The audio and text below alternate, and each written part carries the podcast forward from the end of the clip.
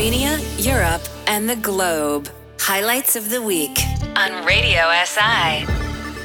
Hello and welcome to another edition of Highlights of the Week, a quick review of events that happened in Slovenia and abroad. I'm Ksenia Samarja Matul. Thank you for joining me. We'll start today with two election results. Hungary's Prime Minister Viktor Orban has won a fourth term by a landslide in the country's general elections. In his victory speech, Orban criticized Brussels bureaucrats and Ukraine's President Zelensky, calling them opponents. In Serbia, President Alexander Vucic and his Progressive Party are the big winners of the country's presidential and parliamentary elections. In his victory speech, Vucic indicated that he would aim to maintain Belgrade's traditional ties with Moscow while continuing with EU membership negotiations. Ali da je za Srbiju najvažnije da ima dobre odnose u regionu, da sa druge strane nastavi svoj evropski put, ali da istovremeno ne ruši svoje veze sa tradicionalnim prijateljima, President Vucic also listed the priorities for his second term, continuing Serbia's modernization, attracting foreign investment, and ensuring peace and stability. Slovenia's infrastructure minister Jernej Vrtovec visited the gas terminal on the Croatian island of Krk this week, where he met his Croatian counterpart. Vrtovec said Slovenia was looking at ways to further diversify its energy sources and reduce its reliance on Russian gas. He said the terminal on the island of Krk could supply about one third of the Slovenian gas needs.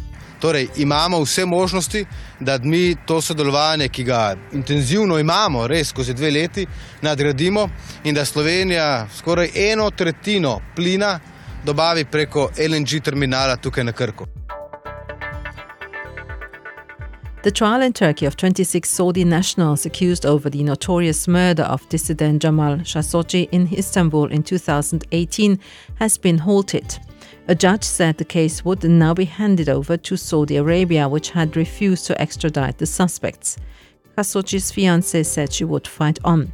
The Washington Post journalist was killed inside the Saudi consulate after being lured there. Hungary said it was prepared to pay rubles for Russian gas. It comes after the EU tried to form a united front against Moscow's demand for what it called unfriendly countries to pay for natural gas in Russia's currency. There are now just weeks until bills are due, and the European Commission has said those with contracts requiring payment in euros or dollars should stick to that. But Hungarian Prime Minister Viktor Orban did not reject Russia's demand.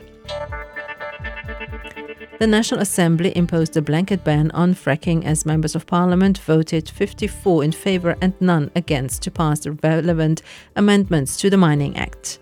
The ban affects plans of a UK investor to extract gas by means of hydraulic fracturing in Petišovci in the northeast.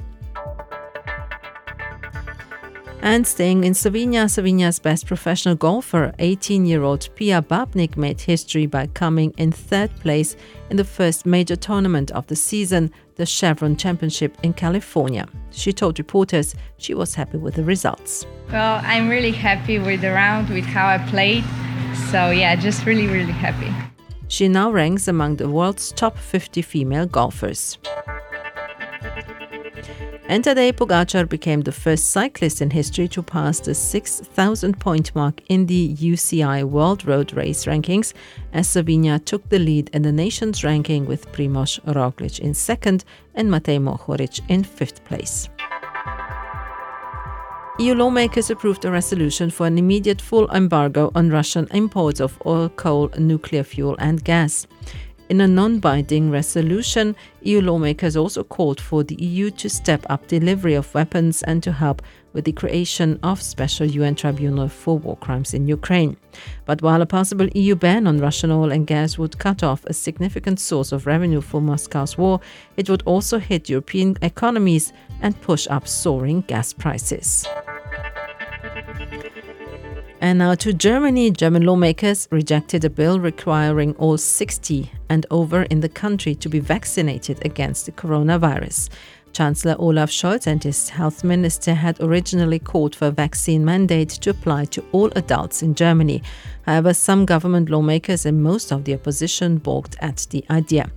The final form of the bill, which included only all adults over 60, was a compromise which the government was hoping would receive a parliamentary majority vote. The US Supreme Court is to include a black female justice for the first time in its history after the Senate confirmed Justice Ketanji Brown Jackson to the nine member bench. Three Republicans crossed the aisle to seal her appointment by a vote of 53 to 47. Jackson will replace Justice Stephen Breyer. Stay tuned, coming up in a few minutes is this week's top story the 64th Grammy Awards. Slovenia, Europe, and the globe. Highlights of the week on Radio SI. Last Sunday, the 64th Grammy Awards took place in Las Vegas. Olivia Rodrigo, Silk Sonic, and jazz musician Jon Batiste have shared the top honors at the 64th Grammy Awards. Batiste's uplifting soul record We Are won Album of the Year. Accepting his award, he said, You know, I, I, I really, I believe this to my core. There is no best musician, best artist, best dancer, best actor. The creative arts are subjective and they reach people at a point in their lives when they need it most. Olivia Rodrigo won Best New Artist and Best Pop Album. Silk Sonic's soul throwback anthem Leave the Door Open took home both the Record and Song of the Year prizes. And apart from the awards, the ceremony saw tribute to Foo Fighters star Taylor Hawkins. And this is host Trevor Noah. So, this was the moment in the show when I was supposed to be introducing the Foo Fighters. We would have been celebrating with them as they won three Grammys awards, three Grammy awards earlier today.